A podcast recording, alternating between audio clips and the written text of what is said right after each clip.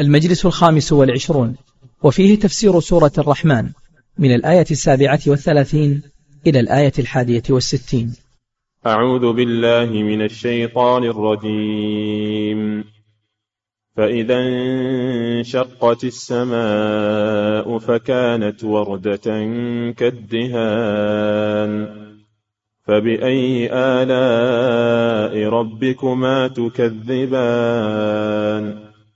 فيومئذ لا يسأل عن ذنبه إنس ولا جان فبأي آلاء ربكما تكذبان يعرف المجرمون بسيماهم فيؤخذ بالنواصي والأقدام فبأي آلاء ربكما تكذبان هذه جهنم التي يكذب بها المجرمون يطوفون بينها وبين حميم آن فبأي آلاء ربكما تكذبان ولمن خاف مقام ربه جنتان فباي الاء ربكما تكذبان ذواتا افنان فباي الاء ربكما تكذبان فيهما عينان تجريان فبأي آلاء ربكما تكذبان فيهما من كل فاكهة زوجان فبأي آلاء ربكما تكذبان متكئين على فرش بطان خزائنها مِنْ إِسْتَبْرَقٍ وَجَنَى الْجَنَّتَيْنِ دَانٍ فَبِأَيِّ آلَاءِ رَبِّكُمَا تُكَذِّبَانِ فيهن قاصرات الطرف لم يطمثهن إنس قبلهم ولا جان فبأي آلاء ربكما تكذبان كأنهن الياقوت والمرجان فبأي آلاء ربكما تكذبان هل جزاء الإحسان إلا الإحسان فبأي آلاء ربكما تكذبان بسم الله الرحمن الرحيم الحمد لله رب العالمين صلى الله وسلم على نبينا محمد وعلى آله وأصحابه أجمعين بعد أن ذكر الله سبحانه وتعالى آياته الدالة على عظمته وقدرته واستحقاقه للعبادة وأن هذه الآيات والبراهين من نعمة على عباده ذكر سبحانه وتعالى ما يكون في الآخرة من نعيم الجنة وعذاب النار ليذكر عباده بذلك حتى يستعدوا له ويعملوا من أجله ويعلموا أنهم ما وجدوا في هذه الدنيا ليستقروا فيها ويبقوا فيها وإنما سينقلون إلى دار أخرى فعليهم أن يستعدوا لهذه النقلة وهذه الدار التي لا انتقال منها وهي دار القرار فقال سبحانه وتعالى فإذا انشقت السماء انشقت السماء يعني السماوات المبنية بعد أن كانت قوية محكمة فإنها تتشقق يوم القيامة لأن هذا الكون سيتغير بسمائه وأرضه وأفلاكه وكواكبه سيتغير هذا العالم إلى عالم آخر يوم تبدل الأرض غير الأرض والسماوات وبرزوا لله الواحد القهار وقد ذكر الله سبحانه وتعالى تشقق السماء في آيات كثيرة قال سبحانه ويوم تشقق السماء بالغمام نزل الملائكة تنزيلا قال سبحانه وتعالى فإذا انشقت السماء فهي يومئذ واهية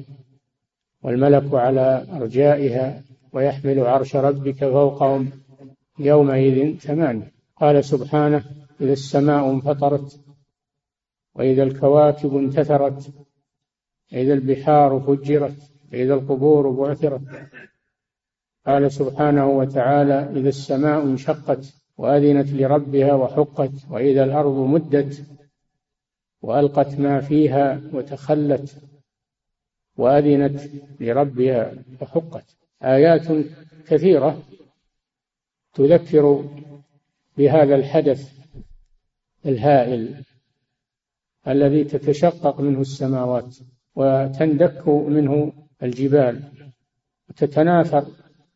منه الكواكب يوم هائل ويوم عظيم فإذا انشقت السماء يعني تقطعت وتمايزت فإذا انشقت السماء فكانت وردة أي محمرة كالورد كحمرة الورد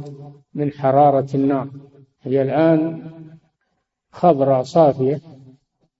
ثم يتغير لونها عند قيام الساعة ويشتد حر النار فالسماء تحمر تصير كالوردة الحمراء وتذوب فتصير كالدهان الذايب دهان دهن تذوب وتصير كالدهن الذائب وكالمهل وتكون السماء كالمهل أي أي الفضة الذائبة تكون الجبال كالعهن أي الصوف المنفوش فكانت وردة كالدهان يذكر الله سبحانه بهذا الحدث الهائل ليستعد له الإنسان ولا يطمئن إلى هذه الدنيا وينشغل بها عن هذا اليوم الذي لا بد منه هذا لا بد منه ولا ريب فيه لأنه لا بد أن يقع وليس هو من الأمور المحتملة التي يمكن تحصل ويمكن لا تحصل أو يمكن للإنسان أن يغيب عنها ولا يحضرها كل هذا منتفن فهي لا بد أن تحصل ولا بد لكل إنسان أن يحضر في هذا اليوم ولهذا قال فبأي آلاء ربكما تكذبان أي نعم الله تكذبان أيها الجن والإنس فالتثنية للجن والإنس للثقلين وهل هذا الذي يحصل وهذا الهول هو نعمة نعم هو نعمة لأن الله سبحانه لا يترك الناس يسرحون ويمرحون بدون جزاء وينال المحسن ثواب عمله وينال المجرم ثواب عمله فمن نعمه سبحانه أنه يقيم العدل بين عباده فينتصر أهل الإيمان والحق على أهل الباطل الذين كانوا يسرحون ويمرحون في هذه الدنيا ويطغون ويتكبرون ويؤذون المؤمنين من نعم الله جل وعلا أنه لا يتركهم بل يوقفهم يوم القيامة على جزائهم وينال المحسنون الصابرون الثابتون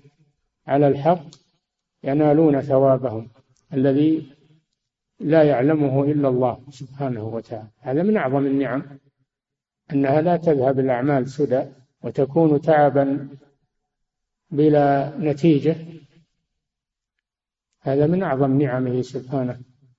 على عباده ولهذا قال فبأي آلاء ربكما تكذبان ثم قال يعرف المجرمون فيومئذ فيومئذ أي إذا تشققت السماء وقام الناس من قبورهم لا يسأل عن ذنبه إنس ولا جان لأن أعمالهم محصاة مكتوبة فلا يسألون عنها سؤال استعلام واستفهام وإنما يسألون عنها سؤال حساب ومناقشة لا يسأل عن ذنبه لا يسأل سؤال استعلام واستفهام ماذا عملت وماذا وإنما يسأل عنها سؤال مناقشة وحساب هذا قول والقول الآخر أن يوم القيامة أحوال تارة يسألون ويحاسبون ويناقشون وتارة لا ينطقون ولا يتكلمون فهذا عبارة عن هذه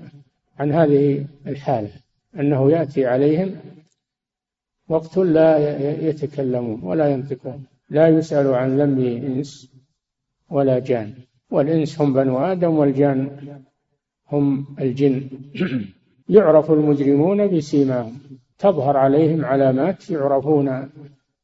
بها أنهم مجرمون ولا يحتاج إلى سؤال يعرف المجرمون بسيماهم سواد الوجوه والعياذ بالله و والمناظر السيئة المحزنة يظهر على على محياهم وعلى ملامحهم يظهر عليهم أنهم مجرمون يعرف المجرمون بسيماهم كما أن المؤمنين يعرفون أيضا بسيماهم سيماهم في وجوههم من أثر السجود يبعثون يوم القيامة غرا محجلين من آثار الوضوء فيعرفون بسيماهم الطيبة وملامحهم الكريمة كما أن الكفار أيضا يعرفون بعلاماتهم الواضحة يعرف المجرمون بسيماهم فيؤخذ بالنواصي والأقدام تأخذهم الملائكة أخذ إهانة وقوة ولا يؤخذون أخذا كالعادة إنما يجمع بين نواصيهم وهي مقدم رؤوسهم وأقدامهم تجمع النواصي والأقدام فيكون هذا تعذيبا لهم والعياذ بالله فيؤخذ بالنواصي والأقدام تعذيبا لهم ويطرحون في النار تأخذهم الملائكة على هذه الصفة المروعة فيؤخذ بالنواصي والأقدام فبأي آلاء ربكما تكذبان هذا من نعم الله عز وجل مجازاة المجرمين هذا من نعم الله أنه لا يتركهم بدون جزاء وبدون حساب ويهملهم أفحسبتم أنما خلقناكم عبثا وأنكم إلينا لا ترجعون فهذا من نعم الله عز وجل أن جعل مصيرا للمؤمنين ومصيرا للكافرين ولا تذهب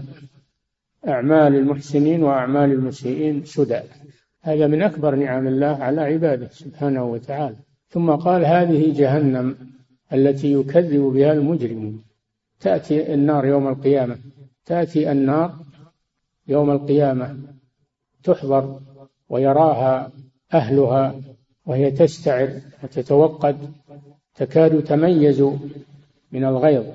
يرونها معاينة ويقال لهم هذه جهنم التي يكذب بها المجرمون في الدنيا الدنيا يقولون ما في نار ولا في جنة ولا في بعث ولا نشور إن هي إلا حياتنا الدنيا نموت ونحيا ولا في بعث ولا نشور ولا جزاء ولا حساب إنما هي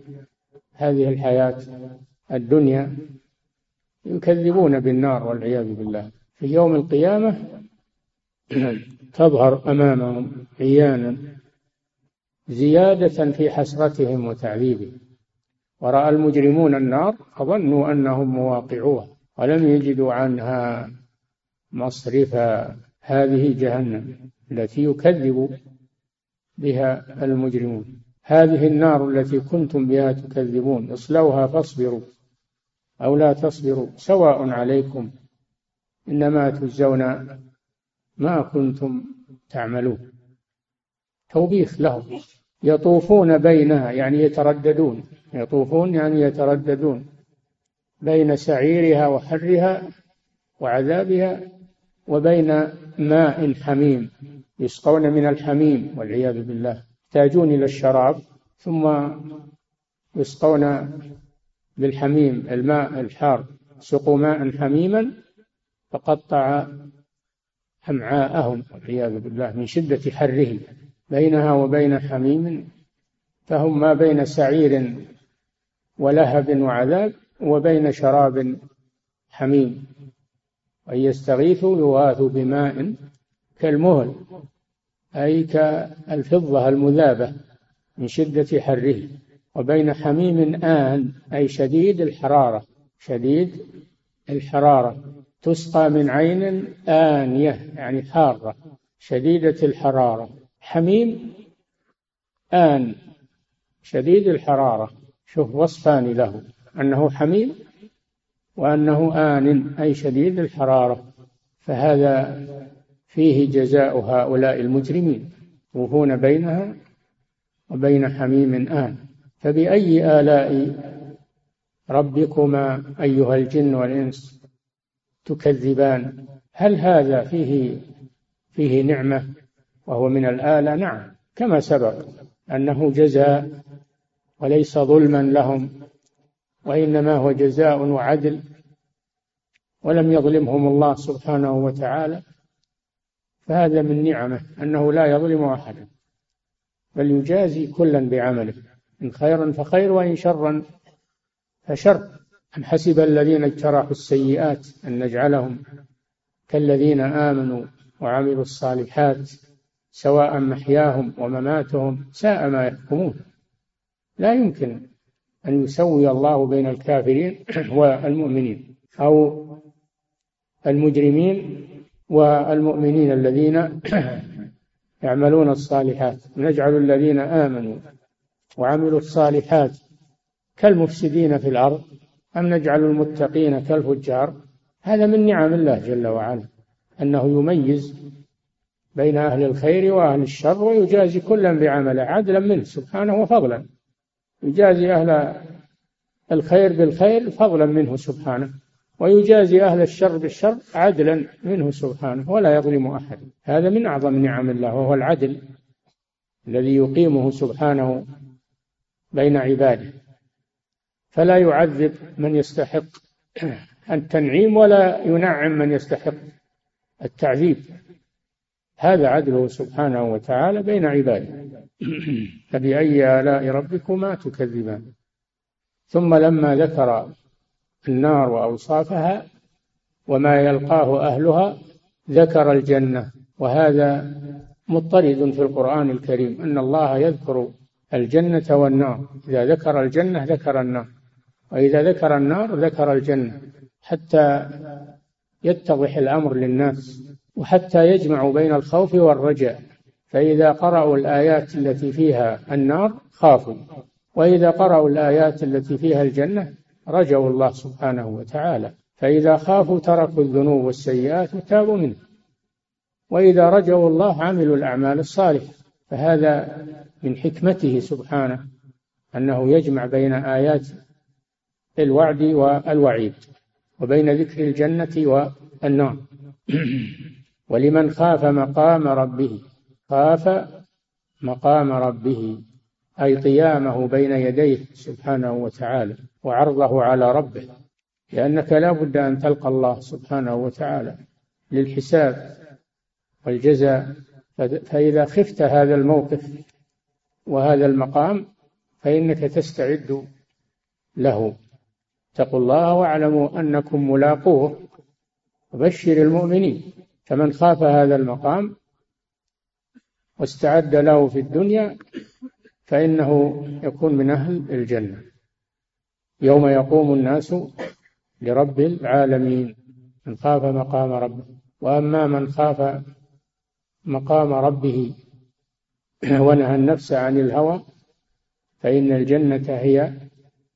المأوى برزت الجحيم لمن يرى فأما من طغى وآثر الحياة الدنيا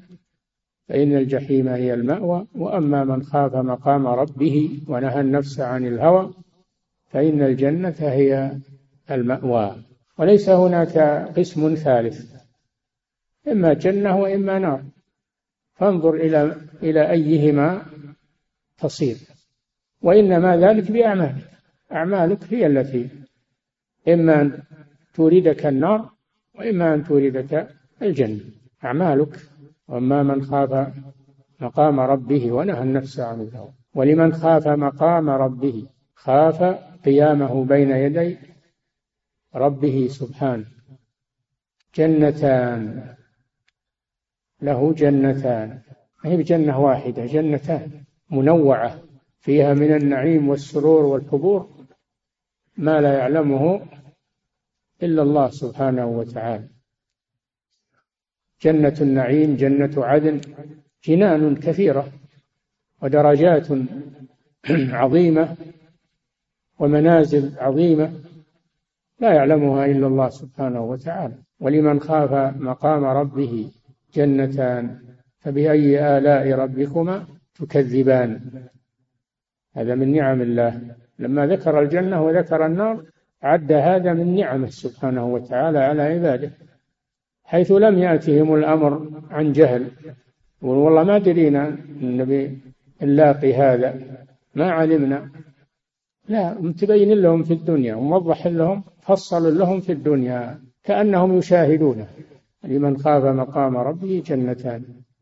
فبأي آلاء ربكما تكذبان فالجنة من آلاء الله ونعمه سبحانه وتعالى ذواتا أفنان هذه الجنان ذواتا أفنان جمع ذات ذواتا جمع ذواتا آه، تثنية تثنية ذات أي صاحبة تقول ذو كذا يعني صاحب كذا صاحب الحوت ذو النون النون هي الحوت أي صاحب الحوت أصبر لحكم ربك ولا تكن كصاحب الحوت ذو النون أي صاحب الحوت فذات بمعنى صاحب ذواتا أفنان جمع فنن جمع فنن وهو الغصن أي فيها أغصان الأشجار المثمرة الأغصان الأشجار المثمرة كل غصن محمل بالثمار الطيبة النضيجة وقيل ذوات أفنان أي أنواع من النعيم من الفواكه مختلفة الطعوم والروائح فهي أفنان يعني فنون كثيرة ذوات أفنان فبأي آلاء ربكما تكذبان ما أعد الله في الجنة هو من نعمه سبحانه وتعالى التي يجب أن يشكر عليها ذوات أفنان فبأي آلاء ربكما تكذبان فيهما عينان تجريان عينان تجريان لا لا تنضبان ابدا دائما تجريان بالماء العذب الزلال لأن لأن الجنان تحتاج إلى ماء لأن الأشجار تحتاج إلى ماء الله جل وعلا جعل فيها في هاتين الجنتين عينان تجريان دائما وإذا اجتمع بهجة النظر إلى الأشجار والثمار وبهجة النظر إلى الماء تكاملت البهجة تجري من تحتها الأنهار من تحت الجنان تجري الأنهار وهي أنهار متنوعة فيها أنهار من ماء غير آسن وأنهار من لبن لم يتغير طعمه وأنهار من خمر لذة للشاربين وأنهار من عسل مصفى فيهما عينان تجريان شوف أما النار قال فيها يطوفون بينها وبين حميم ماؤهم الحميم والعياذ بالله الحميم الآن الجنة الجنتان فيهما عينان تجريان فيهما عينان تجريان لا تيبسان ولا تنضبان كمياه الدنيا ولا ينقطعان أو يغوران كمياه الدنيا بل إنهما دائما في جريان ولا ينفد ما فيهما من الماء فيهما عينان وشوف تجريان ما تكون في مكان محصور ثم يتزاحمون عليه وإنما تجريان على منازلهم وقصورهم فيهما عينان تجريان فبأي آلاء ربكما تكذبان هذا من نعم الله سبحانه وتعالى التي يجب أن يشكر عليها فيهما من كل فاكهة زوجان يعني صنفان من كل فا... كل فاكهة يعني فواكه محدودة أو إنما هي كل فاكهة كل ما يتفكه به وتتلذذ به النفس ولكم فيها ما تشتهيه الأنفس وتلذ الأعين فيهما من كل فاكهة زوجان بعد ما هو صنف واحد شك يعني شكلان مختلفان لأن الشكل الواحد ربما يمل وليس في الجنة ملل لكن في نظر الناس لكن الله شكل ما في الجنة شكل ما في الجنة من أنواع النعيم والسرور فيهما من كل فاكهة زوجان فبأي آلاء ربكما تكذبا هذا من نعم الله التي يشكر عليها ثم قال متكئين على فرش أهل الجنة يتكئون ويجلسون على فرش يجلسون على فرش فرش عادية لا متكئين على فرش بطائنها من استبرق بطائنها أي ما يلي الأرض منها من استبرق أي من الديباج الحرير الخشن من استبرق فإذا كان هذا باطنها فكيف بظهورها هذا لا يعلمه إلا الله سبحانه وتعالى متكئين على فرش بطائنها من استبرق أي من الحرير ذكر البواطن الذي تلي الأرض وأنها من هذا النوع آه، الذي لا يعلمه إلا الله من الحرير فكيف بظهورها وما يلي الجالسين هذا لا يعلمه إلا الله سبحانه وتعالى فطائنها من استبرق وجنى الجنتين دان الثمر الذي يتناولونه ويأكلونه ما يحتاج أنه يصعد الشجرة وأنه يتكلف بأخذه وإيقاسه من الشوك ومن ارتفاعه لا هو دان دان إليه متى ما أراده تناول منه وهو على حالته لا يتكلف شيئا في طلبه قطوفها دانية في جنة عالية قطوفها أي ثمارها دانية قريبة من متناولهم ليس عليهم مشقة في أخذها كما يكون هذا في أشجار الدنيا وجنى الجنتين دان ثم قال جل وعلا فيهن قاصرات الطرف هي أزواجهم هذه أزواجهم الحور العين قاصرات الطرف على أزواجهن لا يريدن غير أزواجهن لأنهن رضين بهم فلا يريدن غيرهم ولا يجدن أحسن منهم بخلاف نساء الدنيا فإنهن يتطلعن دائما إلى الرجال وإلى فلان وعلان ولا تقر أعينهن بأزواجهن أما الحور العين فإنهن قصرن نظرهن على أزواجهن ولا يطمعن ولا يطمحن إلى غيرهم لأنهن قد رضين بهم تمام الرضا قاصرات الطرف يعني النظر لم يطمثهن إنس قبلهم ولا جان لم يطمثهن يعني لم يطأهن ويفتض بكارتهن خلاف نساء الدنيا فإنها غير مأمونة وقد تتزوج قبله قد أما نساء الجنة فإنها محفوظة محفوظة بكارتها ولذتها لا يفتضها إلا زوجها لم يطمثهن إنس قبلهم ولا جان هذا دليل على أن الجنة يكون فيها جن مثل ما كانوا في الدنيا المؤمنون من الجن يكونون في الجنة والكافرون من الجن يكونون في النار فالجن فيهم المؤمن والكافر وفيهم المطيع والعاصي وفيهم الفاسق والفاجر مثل الإنس ويجازون مثل ما يجازى الإنس لم يطمثهن إنس قبلهم ولا جان فبأي آلاء ربكما تكذبان هذا من أعظم نعم الله هذه الأزواج الحسان القريرات أعينهن بأزواجهن لا يطمحن ولا يطمعن في غيرهم ولا ينظرن إلى غيرهم اقتناعا بهم واستئناسا بهم ولا يجدن خيرا منهم فبأي آلاء ربكما تكذبان ثم وصفهن وصفا آخر قال كأنهن الياقوت والمرجان كأنهن في صفاء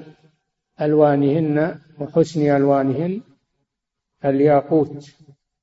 وهو الحجارة النفيسة صافية اللون والمرجان الذي هو الدر الدر الجميل فهن حسان الوجوه بياض مع حمرة في صفاء مثل صفاء الياقوت والمرجان هذه ألوان أهل نساء أهل الجنة ثم هو لا يتغير ولا يهرمنا ولا يكبرنا ولا يمرضنا ولا دائما وابدا هن كذلك كأنهن الياقوت والمرجان فبأي آلاء ربكما أيها الجن والإنس تكذبان هل أحد يكذب بهذه النعمة التي ذكرها الله جل وعلا في الجنة جزاء لعباده المؤمنين ثم قال جل وعلا هل جزاء الإحسان إلا الإحسان هل بمعنى لا أو ليس ليس جزاء الإحسان إلا الإحسان فهم لما أحسنوا العمل أحسن الله لهم الجزاء لأن الجزاء من جنس العمل فكما أن الكفار كفروا بالله وعصوا رسله صار جزاؤهم العذاب والغضب من الله سبحانه وتعالى وأما المؤمنون لما أحسنوا بطاعة الله عز وجل أحسن الله لهم الجزاء هذا عدل منه سبحانه تفضل منه سبحانه حيث إنه لا يضيع أجر المحسنين إنا لا نضيع أجر من أحسن عملا هل جزاء الإحسان إلا الإحسان ثم قال فبأي آلاء ربكما تكذبان أن هذا من نعم الله سبحانه وتعالى أنه لا يضيع أجر المحسنين بل يجازيهم بالإحسان الذي لا يعلم كنهه ووصفه إلا هو سبحانه وتعالى فهذه آيات عظيمة في وصف الجنة وما فيها ووصف نساء أهل الجنة وجمالهن هذه آيات عظيمة ترغب وتشوق إلى الجنة هذه الجنة لا تنال بالتمني ولا بالانتساب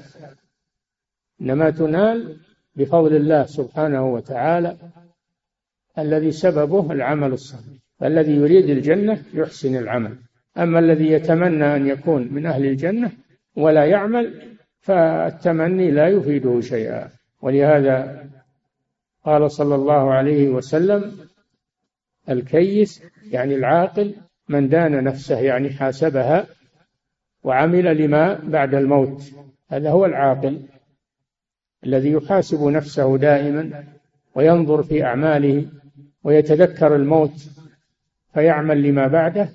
هذا هو العاقل الحازم والعاجز من أتبع نفسه هواها النفس ما تريد العبادة ولا تريد الطاعة هو يعطيها هواها يريحها من العبادة ويريحها من الطاعة ويريحها من الجهاد في سبيل الله وينعمها ويعطيها ما تشتهي من المحرمات يعطيها ما تشتهي أتبع نفسه هواها في هذه الدنيا وتمنى على الله الأماني يتمنى أنه يكون من أهل الجنة بدون عمل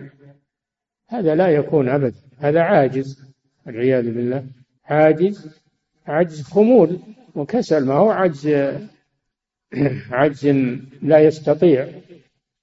الذي لا يستطيع لا يكلفه الله عز وجل إلا من يستطيع ولكن هذا عجز خمول وكسل وضعف إيمان أو عدم عدم إيمان فهذا لا ينفعه التمني أو الانتساب إلى الصالحين أو التوسل بالصالحين أو ما أشبه ذلك أو بصلاحهم هذا لا ينفعه شيء هذا عاجز ويتمنى منازل الجنة بدون عمل هذا لا يكون فهذه النار وهذه الجنة كأننا نشاهدهما عيانا فعلينا أن نستعد للجنة بالأعمال الصالحة ونستعد بالهرب من النار والتوبة من الأعمال السيئة ولهذا يقول بعض السلف عجبت للنار كيف نام هاربها عجبت للنار كيف نام هاربها وعجبت للجنة كيف نام طالبها الذي يطلب الجنة ويخاف من النار يقدم العمل الصالح وفي الحديث الجنة محفوفة بالمكاره والنار محفوفة بالشهوات فإذا اتبعت الشهوات ذهبت بك إلى النار وإذا صبرت على المكاره ومشاق العبادة مشقة العبادة صبرت على الصوم على على صلاة الليل على أداء الفرائض صبرت على الجهاد في سبيل الله صبرت على الابتلاء والامتحان هذه مكاره فإذا صبرت عليها آلت بك إلى الجنة ف والنبي صلى الله عليه وسلم قال لا تنسوا العظيمتين الجنة والنار لا بد أن تكون دائما بين عينيك تذكر النار فتتوب إلى الله عز وجل من الذنوب والمعاصي تذكر الجنة فتكثر من الأعمال الصالحة الأعمال الطيبة فإن الله ذكرنا بالجنة والنار في كثير من آيات القرآن ومنها هذه الآيات الكريمات التي سمعناها ونسأل الله سبحانه وتعالى أن يمن علينا وعليكم بالتوفيق والهداية والعمل الصالح والإخلاص لوجه الله عز وجل والثبات على الدين والسلامة من الفتن وشرها صلى الله وسلم على نبينا محمد على آله وأصحابه أجمعين أحسن الله إليكم سماحة الوالد يقول السائل ذكر قتادة رحمه الله كما في تفسير ابن كثير أن السماء اليوم خضراء ويوم القيامة تكون حمراء وكذلك ذكر فضيلتكم والذي نشاهده وهو مشتهر بين الناس أن السماء زرقاء سماوية كلون البحر فآملوا التوضيح حفظكم الله هي خضراء مع نعم، الزرقة يجمع يجمع الوصفين نعم صلى الله إليكم سماحة الوالد يقول السائل هل, هل يكون قول الله جل وعلا يعرف المجرمون بسيماهم فيؤخذ بالنواصي والأقدام مفسر لقوله تعالى فيومئذ لا يسأل عن ذنبه إنس ولا جان أي أن المجرمين لا يحتاجون السؤال عنهم بسبب وجود علامة عليهم نعم هذا من المعاني هذا من معاني الآية نعم أحسن الله إليكم سماحة الوالد يقول السائل في قول الله جل وعلا ولمن خاف مقام ربه جنتان قال تعالى ونحشر المجرمين يومئذ زرقا يعرفون بزرقة ويعرفون بسيماهم من سواد الوجوه وزرقة العيون والعياذ بالله نعم أحسن الله إليكم سماحة الوالد يقول السائل في قول في قول الله سبحانه وتعالى ولمن خاف مقام ربه جنتان يقول هل الآية تدل على أن العبد المؤمن يكون له جنتان اثنتان كما ذكر ذلك السعدي في تفسيره قال حيث يقول جنة على ترك المنهيات وجنة على فعل الطاعات نعم قالوا هذا جنتان يعني جنة عن ترك المحرمات وجنة على فعل الطاعات وهذا نص الآية الكريمة لمن خاف مقام ربه جنتان نعم صلى الله عليكم سماحة الوالد يقول السائل يذكر بعض الناس أن الإمام ابن القيم رحمه الله تعالى يقول بفناء النار والجنة فهل هذا النقل صحيح أم أنه افتراء عليه يا إخواني لا تبحثوا عن الأقوال الشاذة تشغلوا أنفسكم بها اتركوها لا تبحثوها وتنشرونها ما كلفكم الله بهذا والإنسان بشر يخطي ويصيب لا تبحثوا عن الأخطاء تشغلوا أنفسكم بها وبعض الناس يفعل هذا من باب الطعن على ابن القيم وعلى شيخ الإسلام ابن تيمية من باب الطعن عليهما في هذا الخطأ اليسير ولم ينظروا إلى أعمالهم الجليلة وعلمهم الغزير وما أبدياه من نفع الناس ما ينظرون إلى هذا ينظرون إلى الأخطاء البسيطة ويشهروها لأنهم أعدى لأهل الخير فيلتمسون أخطاءه أعدى لشيخ الإسلام ابن تيمية وأعدى لابن القيم على أن ابن القيم لم يثبت عنه أنه قال هذا إنما حكاه حكاية ولم يذكره اختيارا له هو والله أعلم إن الحاصل إن ما نبحث عن الأقوال الشاذة ونشغل الناس بها هؤلاء الذين يبحثون عنها عندهم من الأخطاء ما يغطي الجبال ولا نظروا إلى أخطائهم بل نظروا إلى خطأ الإمام الجليل الذي نفع الله به وبعلمه والشاعر يقول ومن ذا الذي ترضى سجاياه كلها كفى المرأة نبلا أن تعد معائبه نعم أحسن الله إليكم سماحة الوالد يقول السائل قال لي مدرس عند تفسير قوله تعالى يا معشر الجن والإنس إن استطعتم الآية قال لي إنه بعد بعثة الرسول صلى الله عليه وسلم بعد إيش يقول في قال لي مدرس عند تفسير قوله تعالى يا معشر الجن والإنس إن استطعتم أن تنفذوا من أقطار السماوات والأرض فانفذوا لا تنفذون إلا بسلطان يقول قال لي مدرس إنه بعد بعثة الرسول صلى الله عليه وسلم لم تعد الجن تستطيع الصعود إلى السماء للتصنت على علم الغيب فهل هذا صحيح؟ هذا صحيح لكن ليس هو المعني بالآية ولا قالوا وأنا لمسنا السماء فوجدناها ملئت حرسا شديدا وشهبا حرست السماء بعد بعثة النبي صلى الله عليه وسلم لكن ليس هذا هو معنى الآية إن استطعتم هذا في يوم القيامة هذا يحصل في يوم القيامة لا في الدنيا نعم أسأل الله إليكم سماحة الوالد يقول السائل ما المراد بقوله تعالى كأنهن الياقوت والمرجان تشبيه تشبيه لهن بهذين الجوهرين النفيسين نعم والله جل وعلا يضرب الأمثال للناس ليقرب بها المعاني الغائبة عنهم فالأمثال قسم من علوم القرآن الكريم ويضرب الله الأمثال للناس فالله جل وعلا يضرب الأمثال للناس من أجل تقريب الأشياء الغائبة التي لا يعرفونها بالأشياء المشاهدة التي يعرفونها نعم أحسن الله إليكم سماحة الوالد يقول السائل عند قوله تعالى كأنهن بيض مكنون قال في تفسير الجلالين إن لون الحور العين بيض كلون البيض يقول أحسن الله إليكم في قوله تعالى كأنهن بيض مكنون قال في تفسير الجلالين إن لون الحور العين بيض, بيض أو بياض كلون صلى الله عليه يقول إن لون الحور العين بيض كلون بيض النعام كلون كلون بيض النعام بيض النعام نعم ما ما قيده الله ببيض النعام قال كأنهن بيض مكنون ولا قيده ببيض النعام نعم يقول حسن منين جاب بيض النعام هذا نعم أحسن الله إليكم سماحة الوالد يقول السائل استدل الشيخ محمد بن عبد الوهاب رحمه الله تعالى بقوله تعالى قل يا أيها الناس إني رسول الله إليكم جميعا على أن الرسول صلى الله عليه وسلم مبعوث إلى الإنس والجن والسؤال هو ما وجه الاستدلال على أن النبي صلى الله عليه وسلم مبعوث للجن في هذه الآية الأدلة من الأحاديث والقرآن أيضا وأنه كان قال سبحانه وتعالى قل أوحي إلي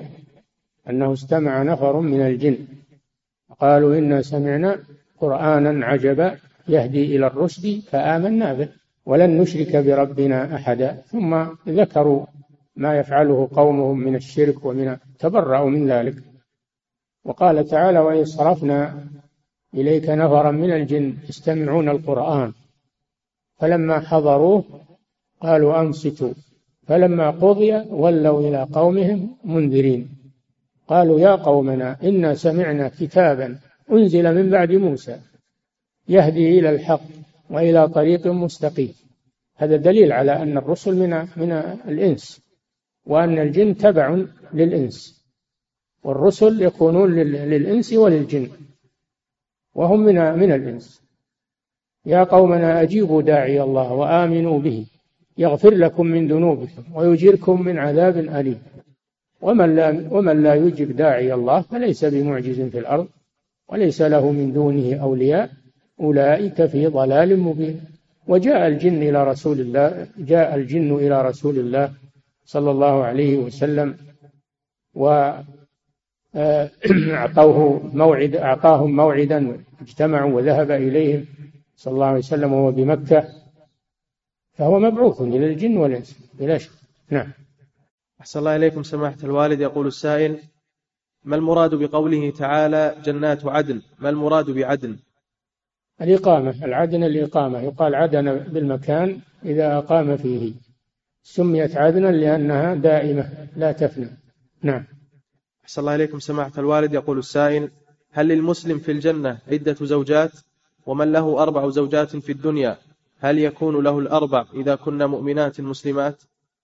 نساء الدنيا المؤمنات يعدن في يوم القيامة أجمل ما يكون قال تعالى إنا أنشأناهن إنشاء فجعلناهن أبكارا عربا أترابا لأصحاب اليمين فهن نساء الدنيا المؤمنات يعاد خلقهن أجمل ما يكون في الدار الآخرة وتخير المرأة إذا كان لها عدة أزواج تعاقبوا عليها في الدنيا تخير بين تخير بينهم فتختار أحسن أحسنهم خلقا نعم أحسن الله إليكم سماحة الوالد يقول السائل سمعت أن مهر الحور العين ثلاثون ختمة للقرآن فما صحة هذا القول الله أعلم مهر الحور العين العبادة والطاعة وقيام الليل صيام النهار والجهاد في سبيل الله ما هو ثلاثين ختمة بس هذا سهل لو أنه بحصل في الحور العين بثلاثين ختمة بس لا في الأعمال الصالحة كلها نعم صلى الله عليكم سماحة الوالد يقول السائل في قو... عند قوله تعالى ولحم طير مما يشتهون يقول انتشر في الآونة الأخيرة أن هذه الآية فيها إشارة على أن الطيور ستنقرض بسبب انفلونزا الطيور بحيث إن الاشتهاء للطيور في الجنة يكون بعد انقطاعها وتشوق المؤمنين لها فتكون لهم جزاء في الجنة فما رأيكم في هذا القول هذا من الخرابيط من القول على الله بغير علم ما أحد يقول هذا من أهل العلم إنما يقول هذا الجهال المتعالمون نعم صلى الله إليكم سماحة الوالد يقول السائل ما المراد بقوله تعالى لتستووا على ظهوره ثم تذكروا نعمة ربكم إذا استويتم عليه وتقول سبحان الذي سخر لنا هذا وما كنا له مقرنين المراد به المركوب من الفلك ومن الأنعام التي يركبها الناس جعل لكم من الفلك والأنعام ما تركبون لتستووا على ظهوره ظهور الفلك وهي البواخر والدواب وكذلك الطائرات تقول سبحان الذي سخر لنا هذا لولا تسخير الله لهذه الكائنات ما استطعت أن تركبها ذللها لك أنت أقوى أم الجمل أقوى منك أه؟ أنت أقوى أو الجمل الجمل أقوى منك ولكن الله ذلله لك وصرت تركبه أنت أقوى أم الباخرة أو السيارة أو الطائرة أنت لست بشيء لكن الله سخر لك هذه المركوبات ويسرها لك وذللها لك وسيرها بك والذي يسيركم في البر والبحر فهذا من آيات الله سبحانه وتعالى أنت تشكر الله على هذا إذا استويت عليها يعني ركبت على ظهورها لتستووا على ظهورها يعني تركب وتعلو الاستوى هو العلو فإذا علوت على ظهر المركوب فإنك تذكر نعمة الله تقول سبحان الذي سخر لنا هذا تنزيها له سبحانه وما كنا له مقرنين يعني لا, لا نطيقه بحولنا وقوتنا لا نطيقه لكن الله سخره لنا وما كنا له مقرنين وإنا إلى ربنا لمنقلبون تذكر ركوبك على هذه الأشياء ركوبك على النعش وإنا إلى ربنا لمنقلبون تذكر إذا ركبت على السيارة ولا على الجمل ولا على الطائرة أو أو الباخرة تذكر ركوبك على النعش فتب إلى الله سبحانه وتعالى والشيء كما يقولون بالشيء يذكر نعم أحسن الله إليكم سماحة الوالد يقول السائل كلما ازددت معرفة بمعاني القرآن خاصة في حضور هذا الدرس ازددت اطمئنانا وتعلقا بهذا القرآن العظيم فهل تنصحني بأن أحفظ القرآن مع قراءة تفسير معين لما أحفظ من الحزب اليومي لا شك في هذا أن هذا طيب أنك تحفظ القرآن ولو على الأقل تحفظ الآيات في آيات الدرس قبل أن تحضر وإذا تابعت هذا الحفظ فإنك تحصل على قسط كبير من القرآن بإذن الله نعم أحسن الله إليك وكونك تجمع بين الحفظ والفهم هذا هو طريق التعلم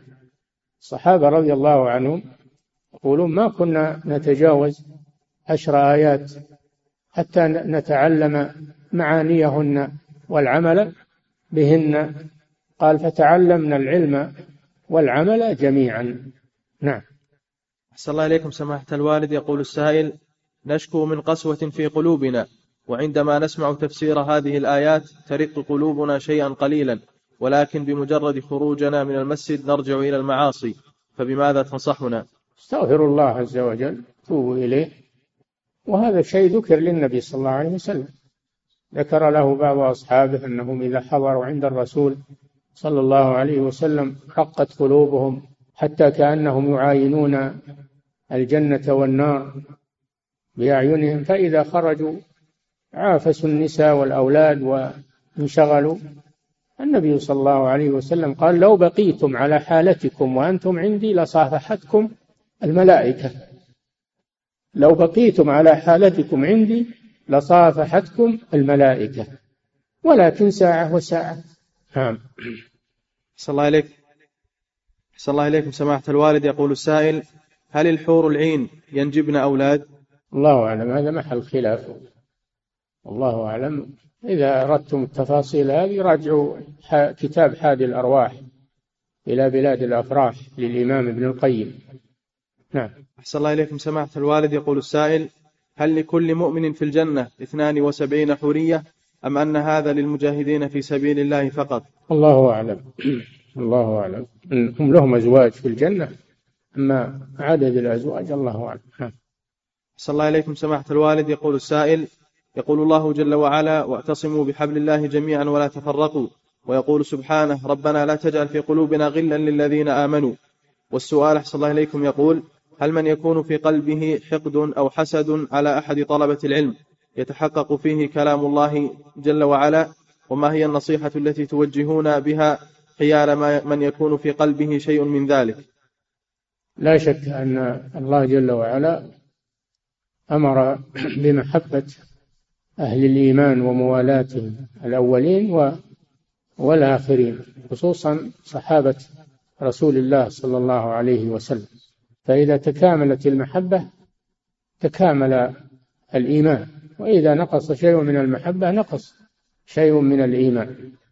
نعم صلى الله عليكم سماحة الوالد يقول السائل كيف أخلص في طلب العلم وهل إذا حفظت متنا ثم نسيته هل هذا يدل على عدم الإخلاص؟ لا هذا يدل على الإهمال يكون الإنسان مخلصا لطلب العلم ثم ينشغل وينسى هذا يدل على الإهمال وعلى وأما كيف تكون مخلصا في طلب العلم هذا راجع لك أنت أحسن النية والقصد لطلب العلم واستعن بالله واسأله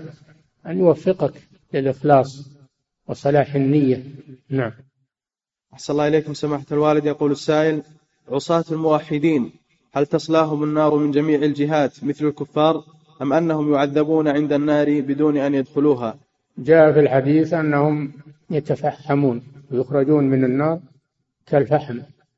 وينقلوا ويلقون في نهر قالوا له نهر الحياة فتنبت أجسامهم فإذا تكاملوا أدخلهم الله الجنة نعم أحسن الله إليكم سماحة الوالد يقول السائل أبو طالب عم النبي صلى الله عليه وسلم هل تصلاه النار من جميع الجهات بعد تخفيف العذاب عنه أم أنه خارج النار وتحت قدميه جمرتان من النار هذا هو هذا كما في الحديث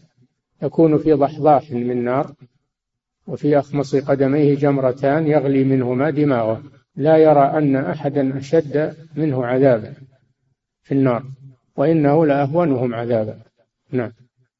أحسن الله إليكم سماحة الوالد يقول السائل هل في هذه الكلمة محذور شرعي وهي قول بعضهم بلعون إنك صادق أو قولهم والعون وهي معناها عندنا كيف الحال إذا كان هذا حلف فإنه شرك أو كفر كما قال صلى الله عليه وسلم من حلف بغير الله قد أشرك كفر أو أشرك إذا كان هذا يقصد منه يقصد منه الحلف بمخلوق فإنه محرم وشرك على المسلم أن يترك هذا ولو كان الناس يستعملون لا تستعمله أنت نعم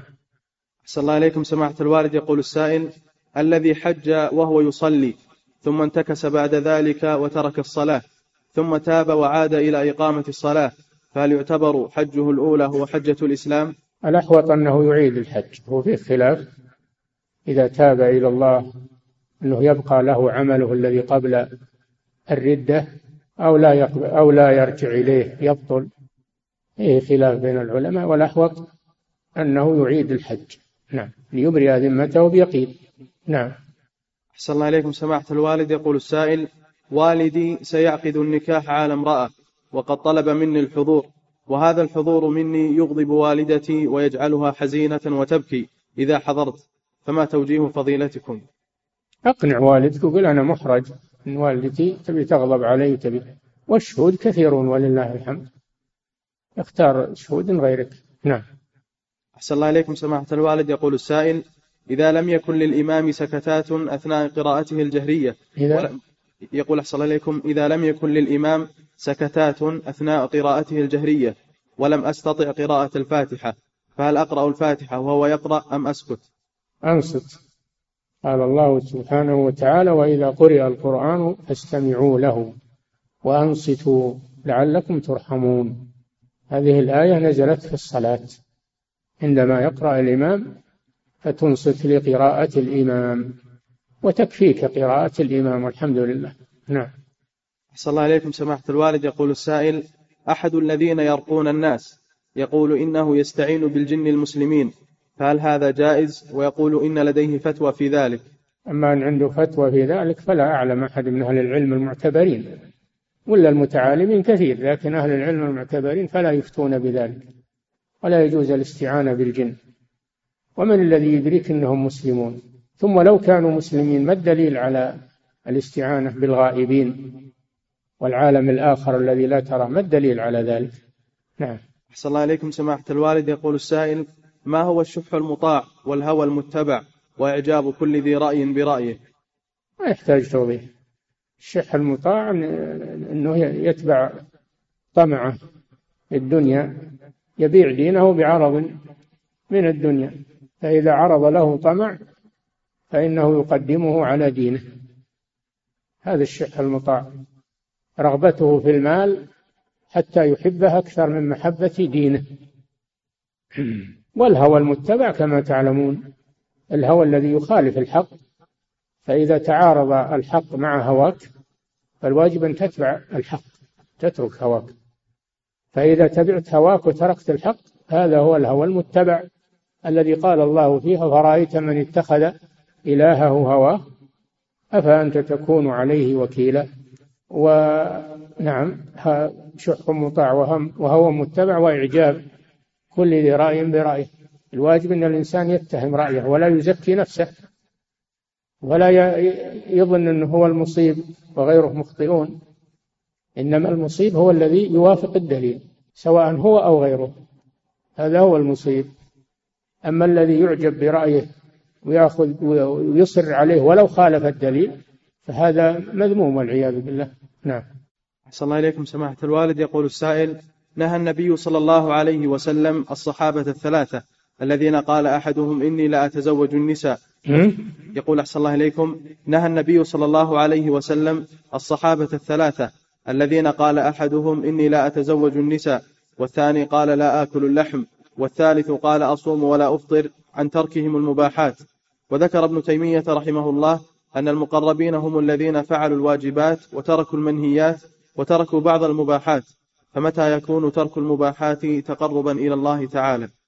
ما قال تركوا المباحات قال تركوا بعض بعض المباحات إذا ترك بعض المباحات من باب الاحتياط هذا طيب نعم صلى الله عليكم سماحة الوالد يقول السائل هناك من يقوم بتصوير فضيلتكم بكاميرا الجوال أثناء إلقاء الدرس فهل تأذنون له بالاحتفاظ بذلك؟ لو أذنت له ما يأذن له الرسول صلى الله عليه وسلم ولا يجوز له يصور في المسجد مساجد لا يصور فيها ولا يصور خارج المساجد فكيف بالمساجد عليه أن يتقي الله عز وجل ويتجنب التصوير نعم أحسن الله إليكم سماحة الوالد يقول السائل ما الحكم في التأمين على المركبات وما الفرق بينه وبين التأمين على الرخصة التأمين التجاري كله لا يجوز على النفس على المركبات على البضائع كله لا يجوز لأنه من أكل المال بالباطل ولا يجوز كله حرام التأمين التجاري بجميع أنواعه حرام نعم صلى الله عليكم سماحة الوالد يقول السائل ما حكم مواصلة الصيام أكثر من يوم لا بأس لكن ما يصوم الدهر كله ولا يفطر أبدا هذا لا يجوز هذا لا يجوز لأنه لأنه تشدد حمل على النفس ما لا تطيقه إن كان ولا بد فصيام داود عليه السلام يصوم يوما ويفطر يوما وإذا صام أياما متتابعة فلا بأس على شرط أنه يفطر بعدها كان النبي صلى الله عليه وسلم يصوم حتى يقال لا يفطر وكان يفطر حتى يقال لا يصوم نعم صلى الله عليكم سماحة الوالد يقول السائل شخص عنده مال بلغ النصاب وحال عليه الحول فأراد أن يزكيه فقام شخص آخر بدفع الزكاة عنه بعد أخذ الإذن منه فهل يجزئ ذلك وتبرأ ذمة صاحب المال نعم تدخله النيابة هذا تدخله النيابة فإذا قام أحد وزكى عنه بإذنه جاز ذلك نعم صلى الله عليكم سماحة الوالد يقول السائل يوجد هناك أشخاص بلغ بهم العمر عتية ولم يصلوا فماذا يقول سماحتكم لهم أن يتوبوا إلى الله قبل أن يموتوا يبادروا بالتوبة ليختم لهم بالتوبة ويلقوا الله عز وجل تائبين محافظين على الصلاة ومن تاب تاب الله عليه ولو كثرت ذنوبه التوبة تجب ما قبلها وباب التوبة مفتوح ولله الحمد ولا يقنط من رحمة الله قل يا عبادي الذين الذين أسرفوا على أنفسهم لا تقنطوا من رحمة الله إن الله يغفر الذنوب جميعا إنه هو الغفور الرحيم وأنيبوا إلى ربكم وأسلموا له نعم أحسن الله إليكم سماحة الوالد تقول السائلة امرأة حاضت في وقت الصلاة أي بعد دخول الوقت فهل يجب عليها قضاء الصلاة بعد طهرها امرأة حاضت في وقت الصلاة تقول أي بعد دخول الوقت فهل يجب عليها قضاء الصلاة بعد طهرها لا في أول الوقت لا إنما لو طهرت في آخر الوقت لو طهرت في آخر وقت الصلاة الثانية كالفجر كآخر وقت العشاء طهرت في آخر وقت العشاء قبيل طلوع الفجر فإنها تصلي تقضي تصلي المغرب والعشاء أو أو طهرت في آخر في آخر وقت العصر قبيل غروب الشمس فإنها تصلي الظهر والعصر نعم أحسن الله إليكم سماحة الوالد يقول السائل رجل أراد العمرة وسافر على الطائرة وبعد أن لبس الإحرام ولكنه نام في الطائرة ولم يستيقظ إلا في جدة فهل يحرم من جدة وعليه دم أم يرجع إلى الميقات مع, مع العلم أنه لا يستطيع الرجوع يرجع ويحرم من الميقات وليس عليه شيء وإذا كان لا يستطيع الرجوع فيحرم من جدة ويكون عليه فدية بترك الميقات نعم صلى الله عليكم سماحة الوالد يقول السائل ما رأيكم في نكاح المسيار ما أعرف نكاح المسيار أنا أعرف النكاح المعروف نعم أحسن الله إليكم سماحة الوالد يقول السائل ما حكم لعب البلوت اللعب لا يجوز لأن لعب البلوت يشبه يشبه لعب آه، القمار يشبه القمار فلا وأيضا يلهي ويأخذ الوقت ويخلط الإنسان مع السفهاء يتجنب هذا الأمر نعم انت أحسن الله